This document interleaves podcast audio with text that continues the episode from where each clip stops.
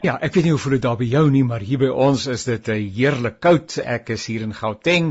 Uh, dit is waar ons uh, in ons eie persoonlike ateljee werk en uh, dit is heerlik koud, vars en fris soos wat hulle altyd sê, maar jou beurt is jou beurt nie waar nie en ek vertrou dat waar jy jouself ook al bevind, dit 'n heerlike dag is en dat jy die bewus is van die Here se teenwoordigheid en sy seën uh, in jou lewe. Baie baie welkom by hierdie program van Radio Kansel en Kaapse Kansel. Ons is dankbaar jy ingeskakel is en ons is ewe dankbaar vir Zani wat vir ons die tegniese versorging van hierdie program behartig. Onthou jy kan weer luister of dit verwys na iemand anders uh nadat die program uitgesaai is, is dit as 'n potgooi beskikbaar by www.radiokansel.co.za. Jy kyk na Naweek Aktueel en daar sal jy die inligting vind onder potgooi. Nietemin lekker om saam te kuier en ek sien so daarna uit om met my twee gaste vandag 'n uh, bietjie gedagtes te wissel en by hulle te leer. Julle sal onthou dat ons by 'n vorige geleentheid met Dominee Willem van der Kolf gesels het en hy het ons meer vertel van sy werksaamhede in die Oekraïne wat natuurlik vandag 'n uh, hartseer daarmee saam 'n oorlogsone is. Nou uh, uh Willem woon tans met sy gesin in Suid-Afrika vanwaar hulle die werk in die Oekraïne organiseer. Maar vandag gesels ek met Dominee Stefan van der Merwe en hy's eweneens betrokke in Oekraïne en tans steeds daar. Stefan, baie dankie dat jy te midde van 'n besige program so 'n bietjie kan kuier. Middag Janie, dankie vir die geleentheid. Stefan, nou 'n mens se grootste ondersteuningsbasis is uiteraard jou gesin. So ons wil hê jy moet eers bietjie spog en vertel vir ons uh, wie vorm deel van jou van jou kring. Um, ek, ek is getroud, ek het 'n vrou, haar naam is Hensie en ons het uh, drie wonderlike kinders. Um, kinders Nadia is 20 jaar oud, Daniel is 17 en Victor is 13 jaar oud. Daniel het nou seker so weet 'n week terug het hy teruggekeer Suid-Afrika toe. Ehm um, terwyl die twee ander twee kinders Nadia en Victor is nog steeds by ons hier so in Oekraïne. Nou ek onthou toe ons met uh, Willem gesels het, hy het sy ewe knie het hy daar ontmoet en uh daar het die het die kinders ook die lig gesien. Uh het jy vroutjie saamgevat of het jy haar ook daar gaan haal? Nee, my vrou is 'n Pretoriaaner. Sy het groot geword in Pretoria haar hele lewe. So ons het mekaar in Pretoria ontmoet. Nou ehm um, vertel bietjie asseblief Stefan, is altyd interessant en leersaam en ook wonderlik om te hoor hoe dit mense in bepaalde uh plekke eindig. Nou hoe het jy nou nou nie eindig as die verkeerde woord, maar dan nou opland is dalk 'n beter woord, nê? Nee? Uh hoe het jy in die Oekraïne beland en uh en toe jy besluit jy bly maar so bietjie. Vertel daarvan asseblief. Ja, inderdaad. In 2000 in 1994 het ek my um studies by Universiteit van Pretoria begin, teologie begin studeer. En reg in daai eerste jaar van my studies was daar 'n klein groepie van studente wat die begeerte gehad het om Oekraïne te kom op 'n kort termyn uitreik en uh, op daai stadium het ek nie eers geweet dat die land Oekraïne bestaan nie. Maar ek het tog in, ingestem om saam te gaan want ek was nog altyd belang belang gestel na Rusland se geskiedenis gewees. En um, die daai maand toe ons hier so was, was in Julie 2004 het my hart heeltemal verander. Die mense, die land het my so aangestaan. Ongelooflike interessante land in 'n land waar die daai jare nog ongelooflik oop was vir die evangelie waar die mense ongelooflik net hulle harte was net oop, hulle wou net hoor. So ek het vir my daai tyd al vir myself gesê as die mense so graag die evangelie wil hoor en ons so min mense wat die evangelie daar preek, dan sal ek graag een van die mense wees wat voltyds daar wil werk. So dit het ons 9 jaar gevat om op die einde in Oekraïne uit te kom want ons moes ons studies klaar maak. So ek en Hensie het beide by Pretoria gestudeer. Toe van 2003 tot uh 1994 tot 2003 en toe 2003 tot voltyds in Oekraïne toe gekom en jy is steeds daar en uh, en en ek kan hoor dit jou hart daarvan vol is. Uh, Sommige net vir interessantheid uh, bediening, was dit van klein tyd af in jou hart of sou jy eers in 'n ander rigting neig en uh, toe keer die Here jou aan? Ek was lief, nog altyd lief vir diere gewees. Ek sou waarskynlik in natuurbewaring ingegaan het, maar ehm um, toe ek so 13 jaar oud was, het my my ouers hulle lewe vir die Here gegee. Het hulle hulle harte en hulle lewens totaal verander. Hulle het sendelinge geword So ek dink so 13 jaar ouderdom het ek verder na 'n sendinghuis groot geword en ek dink van daar het ek my liefde vir mense en vir bediening gekry. Dit is maar wonderlik nê hoe dit die Here in elke ou se lewe werk en hoe dit die legkaart stukkie vir stukkie uiteindelik aan mekaar gesit word. Nou ehm um, voor die inval van Rusland uh, was jy vir 'n geruime tyd uh, jy praat van 2000 wanneer het jy daar eintlik nou nou voltyds beland tot tot op daardie stadium uh, was julle bediening sterk georganiseer. Vertel 'n bietjie van die werksamehede in Oekraïne. Ja, ons sal 19 jaar hierso. En ehm um, die bediening in Oekraïne, ons is die eerste 3 jaar nie saam met OM nie, toe sluit ons by OM aan. Ja. Ons bediening het meestal ehm um, van die begin af ehm um, altyd met kerkplanting. Ons vyf bene basies vir ons bediening hierso. Meeste die grootste bediening was altyd kerkplanting. Waar kan mense by vyf verskillende kerkplante betrokke was oor die afgelope jare. En die laaste kerk kerk die laaste kerk wat, wat ons gehelp wat ons begin het of waarmee ons ehm um, tans besig is, is was die eerste internasionale kerk. Vir 4 jaar of vir al die jare het ons plaaslike kerke begin, Russiese kerke. Dit was 'n Russiese stad van Odessa gewoon, maar van Desember 2020 af het ons ehm um, is ons betrokke met 'n internasionale Engelssprekende gemeente waar ons uitreik na al die internasionale studente wat hier in Oekraïne studeer, spesifiek in die Odessa stad waar ons is en dan uit ons uit na moslim studente um uit Asië uit um moslim studente uit Noord-Afrika uit um Indiërs uit Indië uit uh um, Indo mense so ons baie gefokus op onbereikte volkegroepe wat actually in die land is. So dis kerkplantings maar dan was die, ons was ook uh, OM was bediening by mobilisering van mense in sending ons ons in die ons te sendingskool begin in Oekraïne 2 jaar terug. Ons het 'n uh, New Generations Ministry. Skus ek my my taal is sommer die mekaar gooi maar af. Ja, asseblief. Graag, graag. Reg deesdae. New Generations Ministry waar ons met jong mense en kinders werk. Um spesifiek in 2014 vanaf die oorlog in in die Donbas begin het, het ons daar in geweldig in die oorlog area gewerk. En dan ook soos ek sê krisisbediening, letterlik um huise bou van die vanaf die oorlog in Donbas begin het. Ons altyd betrokke gewees met um fisiese bou van huise herbou van kerke wat wat afgebrand wat wat wat verwoes is. En dan is daar 'n deel van die bediening wat ook sustainable missions is waar ons ehm um, probeer werk kry vir mense wat nie werk het nie en wat ons finansies probeer ehm um, kry vir bedienings in die, in die toekoms. Maar ons die grootste deel van die bediening was altyd kerkplan geweest, mobilisering van mense in sending en werk met jong mense uh, jy gebruik die woord OM operasie mobilisasie net terwyl van luisteraars wat dalk nie bewus is uh, van hierdie organisasie nie. Uh, waaroor gaan dit? Operasie operasie mobilisasie is 'n uh, wêreldwye sendingorganisasie wat um, in omtrent 110 lande in die wêreld betrokke is.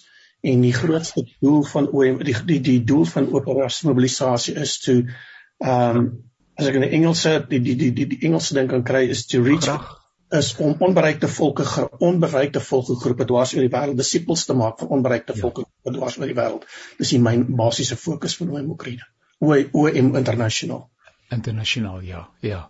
Ehm um, die die geestelike konteks Ehm um, ek praat nou van die algemeen. Met ander woorde as 'n mens nou sê spiritueel waar lê die mense van Oekraïne? Waar lê hulle loyaliteit uh in terme van verskillende uh oortuigings en so aan? Vertel ons ietsie asseblief daarvan. Oekraïne is meestal 'n ortodokse land. So ehm um, baie ortodok baie or, baie baie baie gelowig wil ek amper sê in 'n in 'n groot sin. Baie geestelik En tog is die ortodokse kerk ook maar baie ritueelagtig. Daar is letterlik net rituele in die kerk. Daar's nie reg van ware geloof te sprake nie.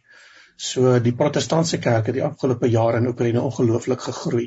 Soos wat mense soos wat hulle uitreik en getrou is aan die aan die in die die visie wat aan aan aan die opdrag wat Christus vir ons gegee het om uit te gaan disippels te maak vir alle nasies, aan alle alle nasies. Die kerk, die protestantse kerk in Oekraïne ongelooflik aktief aktief daarmee besig en die kerk het geweldige groei in jare. So ons het let, letterlik van 2003 af gesien hoe die protestantse kerk in Oekraïne omtrent ontplof in die land. Ehm um, maar die en die ortodokse kerk maar basies ehm um, middels rituele aangaan. So dit is eintlik hartseer om te sien dat die ortodokse kerk nie regtig enige invloed op mense se dag so dag lewens het regtig het nie, is net rituele. Maar protestantse kerk, protestantse kerke bly uit uitbly en mense se harte word totaal verander. Die die ouens wat ehm um, noem nou maar sending sen, met sendelinge of wat op hierdie vlak betrokke is in die Oekraïne, uh, het julle met mekaar kontak. Ons as gemeente uh, was en is seker steeds betrokke by ehm um, ehm um, Okkert en Michelle. Uh, ek het gehoor dat Okkert intussen oorlede is, maar uh van dit hulle in die begin uh daar in Renie, as ek dit reg het, betrokke geraak het. Het julle met mekaar kontak as 'n groter korpus? Kom julle by mekaar soms skakel julle met mekaar rondom uitdagings en dies meer? Ja nee nee, uh, waarskynlik nie. Ehm um, ons ons weet van mekaar. Die land is groot. Die land is nie klein nie. Dis nie 'n klein Europese land nie. Dis die grootste Europese land in Europa. So ongelukkig kry ons nou hy kans om by mekaar uit te kom so gereeld. Nie ons weet van mekaar, ons bid vir mekaar. Ek was ook saam met Okkert in 1994 toe hy op die kort termyn uitreik Oekraïne toe was ek saam met hom gewees. Dis waar ons beide ons visie gekry het om Oekraïne toe kom. My so, aarde. Dankbaar vir daai daai kontak wat ons gehad het in daai in daai jare en in 'n paar jare na hardik na hardik ons eers keer gekom het was was was, was ook by hulle aan huis gewees en hulle gehelp met bediening.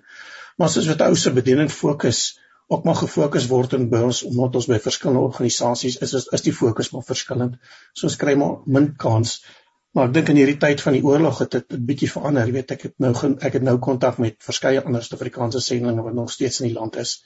En ehm um, dis goed dat ons mekaar kan ondersteun en mekaar kan help ook in 'n tyd wat dit regtig nodig nodig is. Ja.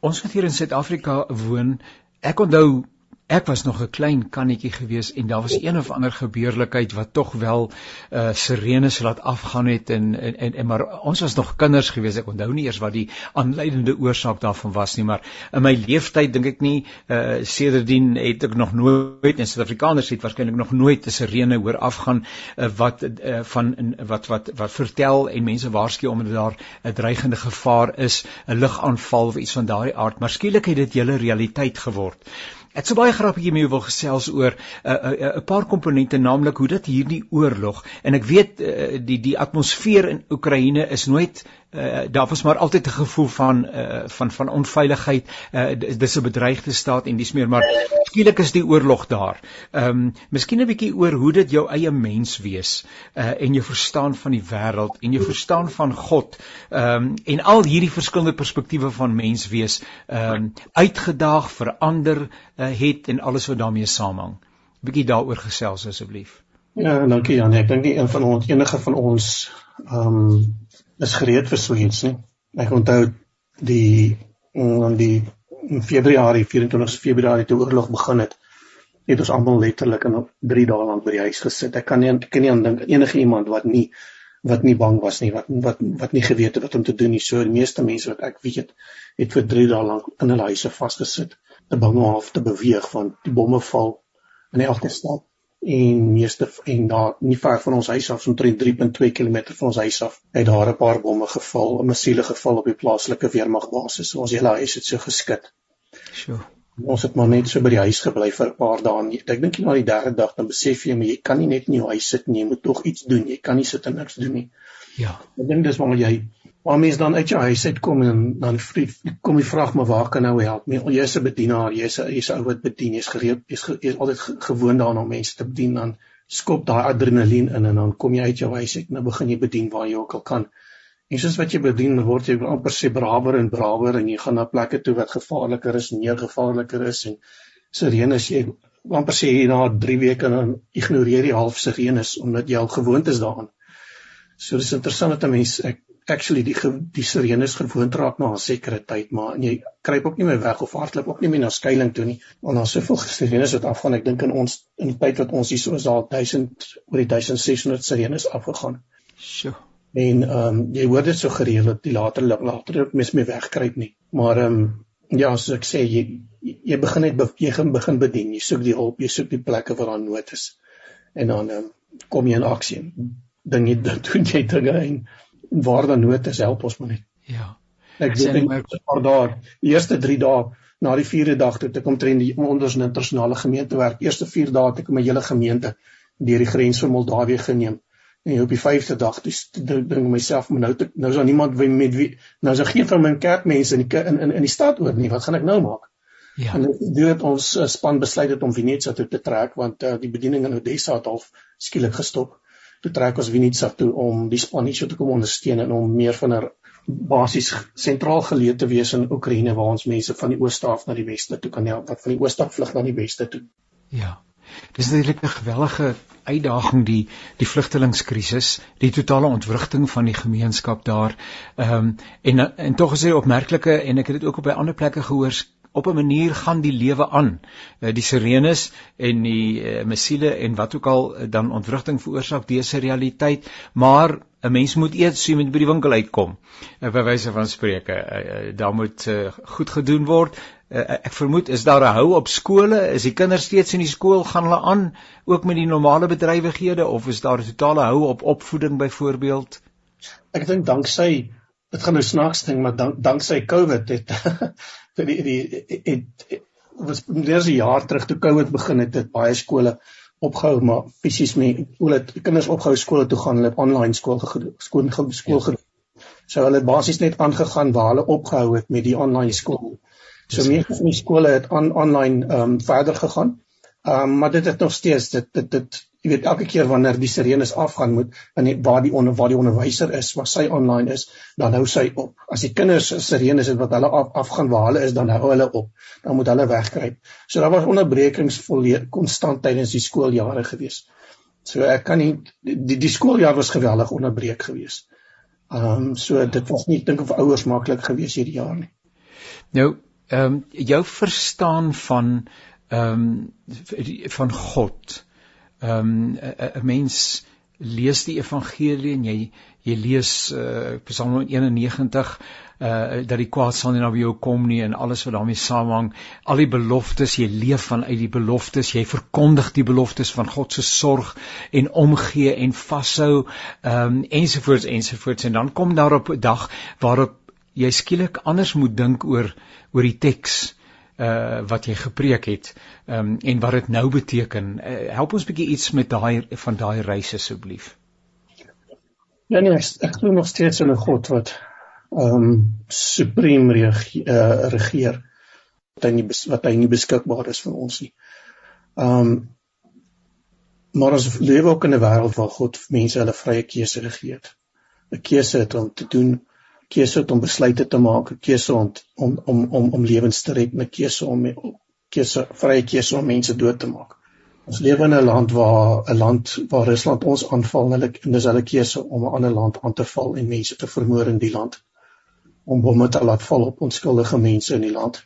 Ehm um, met te midde van die chaos, te midde van die bomme wat val, weet ek daar's God is by ons. Hy's naby aan ons, ondersteun vir ons.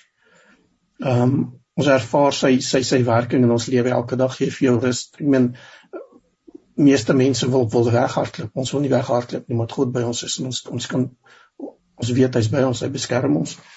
En hy gee vir ons die krag om mense te bly bedien. So ek dink vir mense wat God nie ken nie, is daar 'n groot vrees te midde van chaos. Vir mense wat God ken en weet dat God 'n goeie God is en dat hy nie wegkruip in tye van ons moeilikhede nie. Is daar 'n vrede in ons hart wat ons help om te bly bedien, help mense te ondersteun so ver as wat ons kan.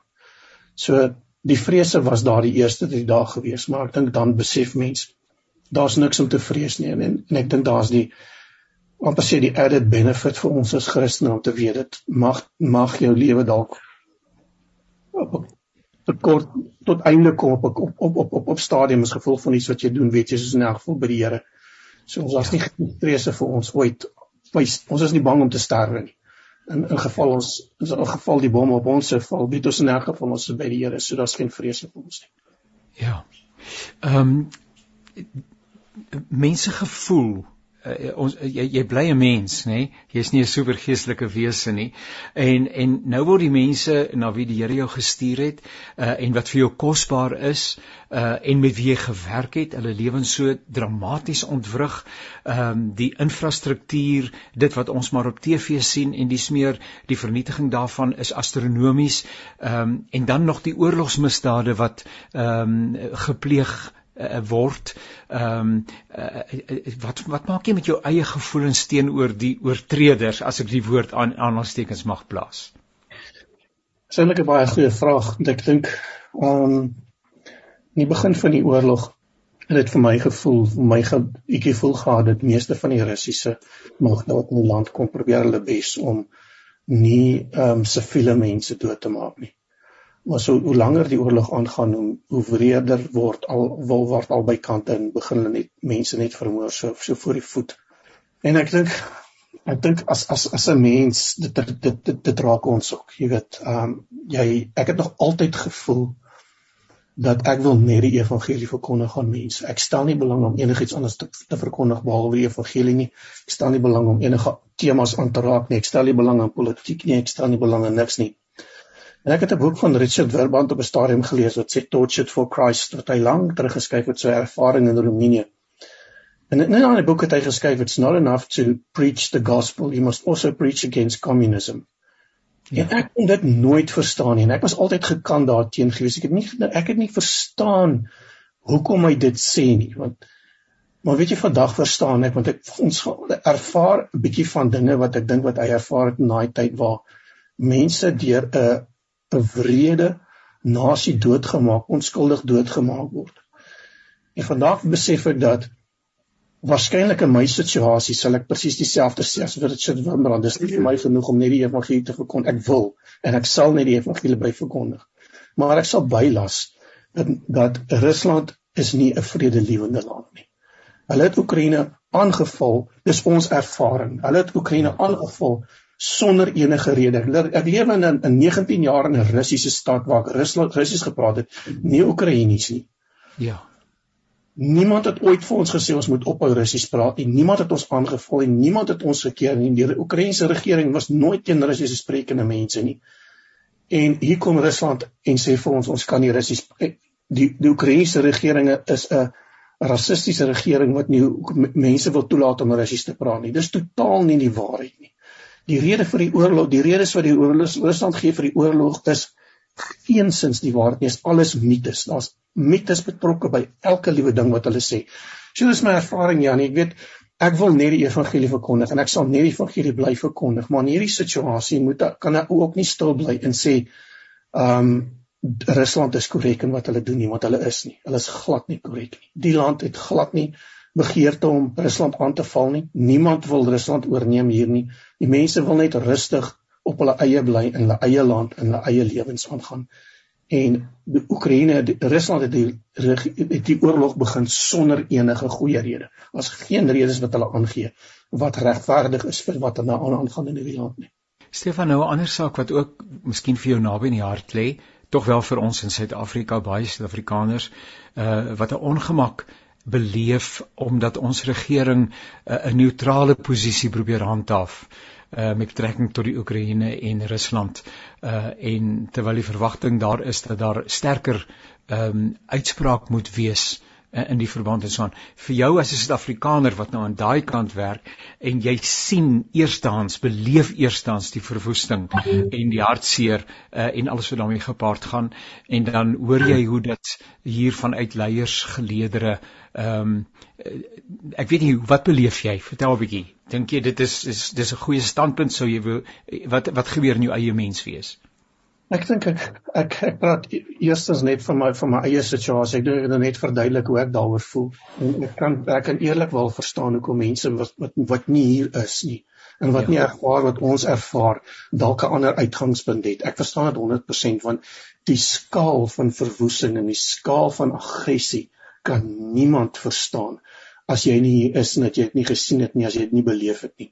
So ek aan die een kant kan ek nie kan ek nie mense wat in Suid-Afrika is of die politieke standpunt wat Suid-Afrika het, miskien ehm um, kan ek dit nie aanval nie want mense is nie hulle sien die situasie in Oekraïne. Ek weet Oekraïne, Suid-Afrika was hier algemeen redelik goed goeie op goeie voet met Rusland gewees. Maar as hulle net kan sien wat ek sien, net kan ervaar wat ons ervaar, net weet wat ons weet omdat ons al 19 jaar in die land bly dan kan mens eintlik nie neutraal bly nie met daai inligting wat jy in die agterkop het.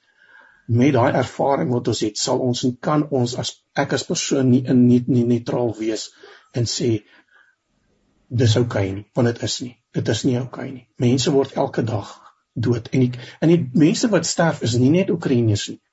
Ja. Want die, die die getal van Russiese soldate wat sterf in die land is nou oor die 30 000. Ek meen dit is nie normaal nie. Dit is nie regverdig nie. Rusland verloor 30 het amper 31000 van sy soldate nou al verloor. Ek meen dit alleen moet in Rusland uh, uh it should, should have been an outcry. Maar omdat daar geen inligting op die Russiese televisie is oor wat in Oekraïne aangaan nie. Ek meen ons ewe knee wat saam met ons in in in in OM werk, ons vriende het nie eers geweet dat die lughawens in Oekraïne verwoes is nie. Daar's nie een lughawe wat nog wat werk nie. Ons moes uit Pole uit uit Moldawië uitvlieg na die dag om na 'n ander land te kom. Die verwoesting is is unparalleled soos hulle sê in die land. Die die die dode dode getalle is ongelooflik hoog. Dis die grootste oorlog wat die wêreld nog gesien het, vir die Tweede Wêreldoorlog en om neutraal te bly in so 'n situasie, dink ek is is is net ignorance in 'n sekere sin. So dis maar die ervaring wat ek het Janie, dis dit is ongelukkig uit my standpunt waar ek sit sien, maar ek sal bly die evangelie bly verkondig. Maar as ek die geleentheid het soos nou soos nou dan sal ek tog net sê ons moet ons moet heroorweeg partykeer hoe ons dink oor sekere dinge in die wêreld. En weet jy dat my oë oop gemaak vir ander oorlog in ander dele van die wêreld. Baie keer hoor ons maar net van oorlog en sien ons dinge en dit raak ons nie. Maar miskien moet dit ons moet dit ons meer raak. Miskien moet ons meer in diepte kyk oor die situasie. Wat gaan daar aan? Hoekom is die oorlog aan die gang? Oorlog in Jemen, oorlog in ander lande. Hoekom het neem dit plaas? Oorlog in Sri Lanka. Wat, wat gebeur daar? Jy weet, miskien moet ou tog bietjie dieper daarna kyk. Nou ehm um, kom ons gesels nog vir 'n minuut of 3. Ehm um, Stefan, uh, intussen is die kerk steeds besig met sy taak en sy roeping. Watter rol speel die kerk tans uh, met hierdie situasie? Uh, uh, uh, die kerke toegemaak en nou jy soos jy sê met baie van jou lidmate en van gemeente se lidmate wat moes vlug en dis meer kan 'n ou verstaan, maar maar uh, hoe het die die die die die taak en die opdrag en die betrokkeheid van die kerk aangepas by die omstandighede? Weet jy ek met met met 'n eerlike eerlike hart sê ek is ongelooflik trots op die kerke in Oekraïne. Die die die plaaslike kerke ek weet van bittermin bittermin ehm um, bedienaars wat wat die land verlaat het. Die mense het gebly. Die die gevaarlikste dorpe waar die mense onttrek het, waar meeste mense onttrek het, gaan jy predikante en dominees skryf wat nog steeds daar is. Daai pastoor het nie gevlug nie ek stuur en ons gaan nie altyd in daai mees gevaarlikste areas doen nie want laat ons nie toe nie maar plaaslike mense wat plaaslike mense wat nog steeds daar woon ja. is in elke dorpie sal jy 'n pastoor as daar 'n kerk is sal jy 'n pastoor kry wat steeds daar bly ons het seker ek het nie afgelope 2 maande seker omtrent al 20 voorskotte van fondse gestuur van mense van van OM se se se vir finansies gestuur ja. na hier pastore toe wat letterlik mense uh voeds mense voed met uh uh medisyne koop en mense help. Hulle vlug nie. Hulle bly in bedien in die gevaarlikste en gevaarlikste areas waar jy kan kry. Daar's nog nie 'n kerk in Oekraïne wat nie betrokke is by by by by rondry van van um in in van van IDPs, the international displaced people nie. Daar ja. alles almal betrokke daarbey is almal betrokke om mense te voed, is almal betrokke om uh, medisyne te kry op die regte plekke. So Ek weet nie ek is ongelooflik trots op die kerke in Oekraïne nog nooit soos tevore. En ons praat selfs van 'n ekumeniese beweging wat ek nog nooit voorheen gesien het nie waar die baptiste en die pentekostals en die charismate byvoorbeeld elkeen in sy eie hoekie was, werk ja. almal nou saam om die mense in Oekraïne te dien. En net ek dink dis ook 'n mooi ding wat ons in Oekraïne op die huidige oomblik sien. Wat wat wat Christus vrugte gaan oplewer ook vir die toekoms vir die kerk. En ja. die geleentheid om die evangelie te preek is daar en mense Ek weet van kerke waar oor die 30 mense al hulle lewens mense hulle lewens al vir Christus gegee het. Nie omdat hulle nie nie uit vrees uit nie, maar omdat omdat hulle goedheid van God in tye in in die tyd raak sien. Ja, ja. Wat is die moraal van mense op grondvlak? Ek dink dit wissel baie keer dit hang af wat in die nuus wat ons in die nuus lees.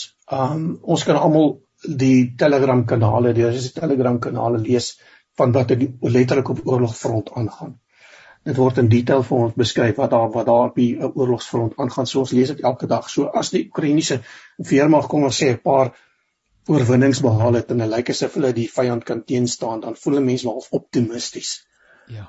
Terselfdertyd wanneer ons grond verloor en wanneer baie van ons soldate sterf, dan is daar maar net daai outomatiese ervaring gevoel van Sjoe, wat wat wat is volgende? Gaan Russiese magte nog verder deurdruk? Gaan hulle deurdruk nou Odessa toe waar ons bly? Sal hulle deur Nikolaev te kom? Dan is daar half daai vrese in jou in jou hart. Ehm um, terselfdertyd as as Christene weet ons maak nie saak wat gebeur nie. Ek onthou toe ek die die 27ste Februarie my huis in Odessa moes verlaat het. Toe kyk ek so na die huis en dink myself, weet jy, dis dalk die laaste keer wat ek daai huis ooit sal sien. Ek sal my huis nooit weer sien nie en ek sal waarskynlik nooit terugkeer sien toe as Here se magte oor dis sou oorneem nie. Ja. Wat tog kon weet jy, jy weet God sal nog steeds by ons wees. Hy sal steeds voorsien, maar as ek al verloor ek my huis, of verloor ek alles wat ek besit in Oekraïne. Want ons besit in elk geval net in Suid-Afrika nie, selfs as ons alles hier verloor, sal God nog steeds vir ons bly, bly voorsien. So ek dink nie is 'n stukkie van vertroue wat jy wat jy kry nie 'n stukkie nie, 'n groot mate van vertroue wat jy kry in die Here wat jy nooit miskien voorheen gehad het nie. Ja. En ehm um, ek dink ek ek is dankbaar vir die Here daarvoor want daai hele verbruikerswese mindset wat hy het, dis word heeltemal afgebreek in 'n tyd van oorlog. Jy word losgemaak van alles wat jy besit. En ek dink dis eintlik goed vir ons as mense. Want ons het met niks daai ons het in die wêreld gekom met niks nie en ons gaan met niks daai nie. So ja. Stefan, ek wil nog twee vrae vra. Ehm um, die een is jou kinders. Ehm um, kinders is mos nou 'n ander. Ek bedoel jy jou jou seun is nou terug in Suid-Afrika, maar nu nog die ander twee kinders en in 'n sekere sin kan hulle sê, uh, maar ons het nie hiervoor gekies nie. Uh, maar hulle is nou in Oekraïne gebore, so vir alle praktiese is, is hulle uh, burgers van die Oekraïne, maar maar maar hoe dis dit moet moeilik wees om teenoor kinders hierdie sinnelose geweld uh, van groot mense uh, ek wil hulle maar sommer so half so so stel grafies stel. Dis nou groot mense wat met mekaar beklei en kinders uh en nie net jou kinders nie, maar kinders oor die algemeen wat moet probeer om sin te maak van uh, van sirenes, van vrees, van angstigheid en wat fisies sien en beleef. Ek bedoel daai mense wat sterf, sterf tog voor kinders. Daai uitdaging, hoe hanteer mense dit? Ek dink is baie ondersteuning, baie liefde maak seker dat ons dat ons nie te besig is in 'n tyd van oorlog want ons is baie besig. Maak ja. seker dat ons nie te besig is in 'n tyd van oorlog dat ons die tyd kry met ons kinders nie. So ek het byvoorbeeld vanmôre vir my seun om twee keer 'n onmiddellike stywe drukkie gegee en vir hom sê seun as jy okay. Ja. Hy sê okay, dis ek vir my sê regtig okay. Dis sê ja, hy's regtig okay. ek dink dit daai tye waar jy net ons ons maak genoeg tyd om net seker te maak ek ons kinders weet ons is lief vir hulle en ons is hier vir hulle ons gaan hulle nie los nie. Ehm um, en dit en dit dit, dit maak jy vir daai sekerheid dat uh, maak saak wat gebeur nie pappa en mamma is by hulle en ons sal hulle bly lief hê en ondersteun en so dit is so dis net die nabyheid wat vir my belangrik is. Ja. Uh, wat is die vernaamste behoefte van mense tans in die Oekraïne? Ek weet dit is waarskynlik gevarieerd, maar as jy nou moet sê, wat is die behoefte uh waaraan uh, vervul moet uh moet word? Ek dink is ek dink mense het hulp no uh, hoop nodig. Ehm um, ons het byvoorbeeld 'n familie wat hier so bly, bly ou mense in die 70s, 'n man en 'n vrou wat gevlug het uit 'n dorp uit wat terwyl ons praat word geweldig gebombardeer en binne die volgende paar dae gaan oorgeneem word deur Russiese magte. Man is in sy 'n man 'n vrou is in haar diep 70s, 'n man is in die 80s, uit Parkinson's disease. Hulle het gevlug van daar en ons het hulle ingeneem hier waar ons bly. Hulle het geen meer huis nie, geen meer plek om heen te gaan nie hulle het hoop verloor, hoop verloor. Hulle weet nie eens waartoe hulle gaan nie. So in die heel eerste ding wat mense nodig het, hulle het hoop nodig en dit is waar die evangelie inkom want ons kan letterlik net vir hulle sê daar's 'n God wat vir hulle omgee. En ek dink dan sal letterlik mense wat hulle het werk nodig. Hulle het werk nodig, hulle het nuwe werk nodig. Ehm um, die werk werk werk word minder.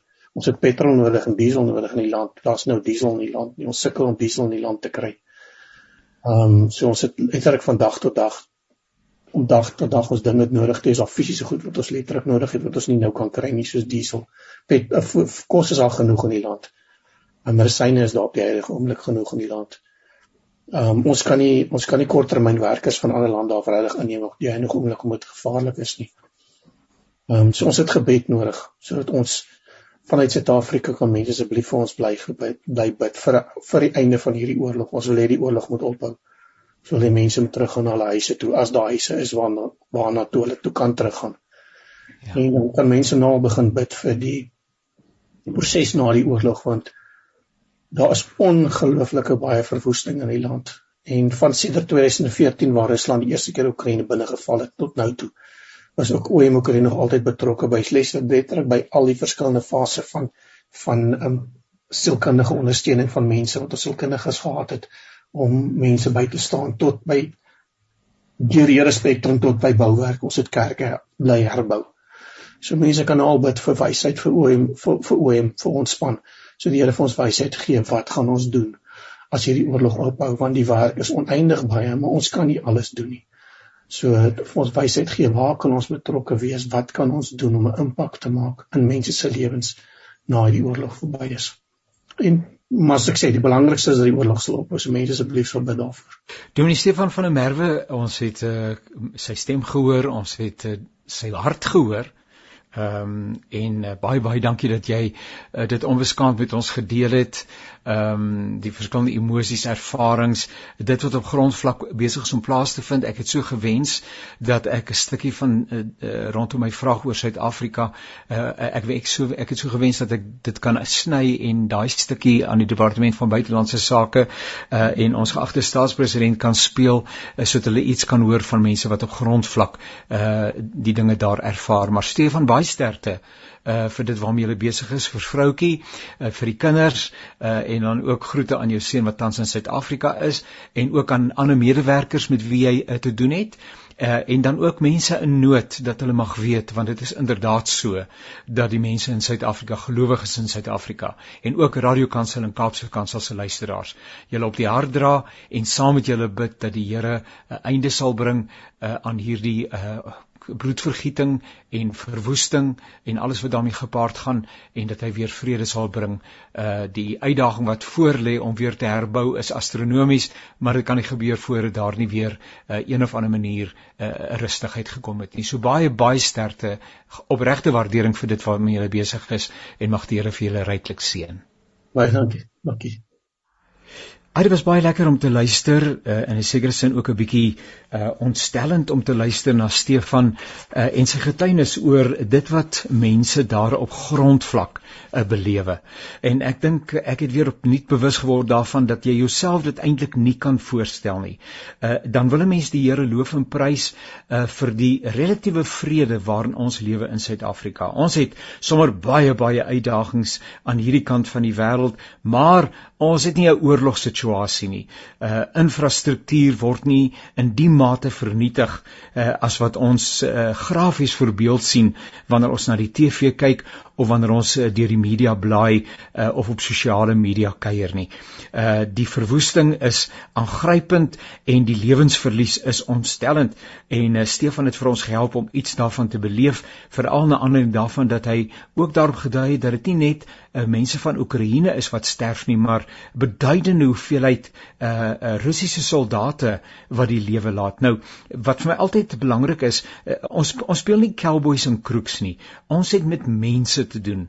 En of dit nou 'n Russiese soldaat is, uh of dit 'n uh, 'n uh, 'n uh, Oekraïense persoon is, ehm um, uh, dit is 'n man, dis 'n vrou, dis 'n kind. Dis 'n pa, dis 'n ma, dis 'n oom, dis 'n tannie. Uh dis iemand se broer. Ehm um, uh dit is 'n gemeentelid. Uh dis iemand met karakter, met 'n persoonlikheid. Dis iemand met drome en met ideale, met 'n toekomsperspektief.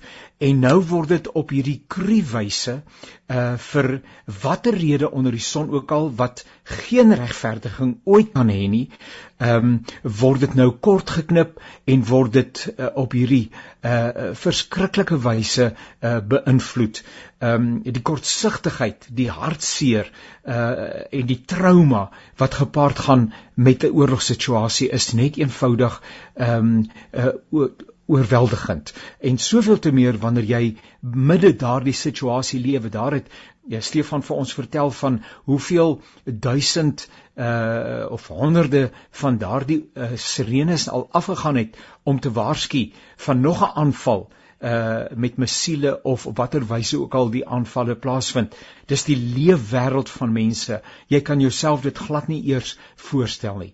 En dat te midde van dit alles die werk voortgaan, die werk van die evangelie, mense by die Here uitkom, die Here se koninkryk gebou word, mense bemoedig word, mense diensvaardig word. Eh, Stefan sê uh, dat jy naderhand nie eers meer die gevaar behoorlik verreken nie, omdat jy so uh, op weg is om hulp te bring aan mense in nood dat uh, dat dit net iets is wat jy nie uh, eers behoorlik oorweeg nie. Uh ai uh, ek, ek wil net vir Stefan weer 'n keer baie dankie sê en ook vir uh Dominee Willem van der Kolf met wie ons by vorige geleentheid gesels het. En deur hulle ook aan elke persoon uh, uh Michelle uh, uh ook die Michelle uh, wat daar in renie werk uh, ook het is oorlede maar Michelle is steeds daar uh, betrokke. En verskeie ander mense ehm um, van watter geloofsverband ook al wat besig is om in hierdie dae 'n hoop te bring aan mense wat hulle self uh, uh in hierdie moeilike omstandighede bevind. Mag die Here vir hulle sterk maak, mag die Here vir hulle toerus en mag die Here uh, ook sy wonderlike plan met hulle lewens volvoer. daarmee saam ook inderdaad bid ons saam dat daar 'n einde sal kom aan hierdie sinnelose geweld dat die Here tog deur sy gees sal gee dat ehm um, die mense wat uh, rondom die uh onderhandelingstafel sit sal toegee waar toegegee moet word 'n uh, rede sal sien waar rede gegee moet word gesien moet word en 'n sagtheid van gees sal sal hê uh, omdat die Heilige Gees hulle daartoe bring. Mag daar sommer spoedig 'n einde kom aan hierdie trauma Nogmaals baie dankie dat jy saam geluister het. Onthou hierdie program en ook ons Woensdag aktualiteitsprogram Perspektief is as 'n potgooi beskikbaar uh by www.radiokansel.co.za uh, en uh, vertel ook vir jou vriende daarvan. Weer 'n keer baie dankie aan Sani. Uh mag die Here vir u ook baie ryklik seën en tot 'n volgende keer alles wat mooi is.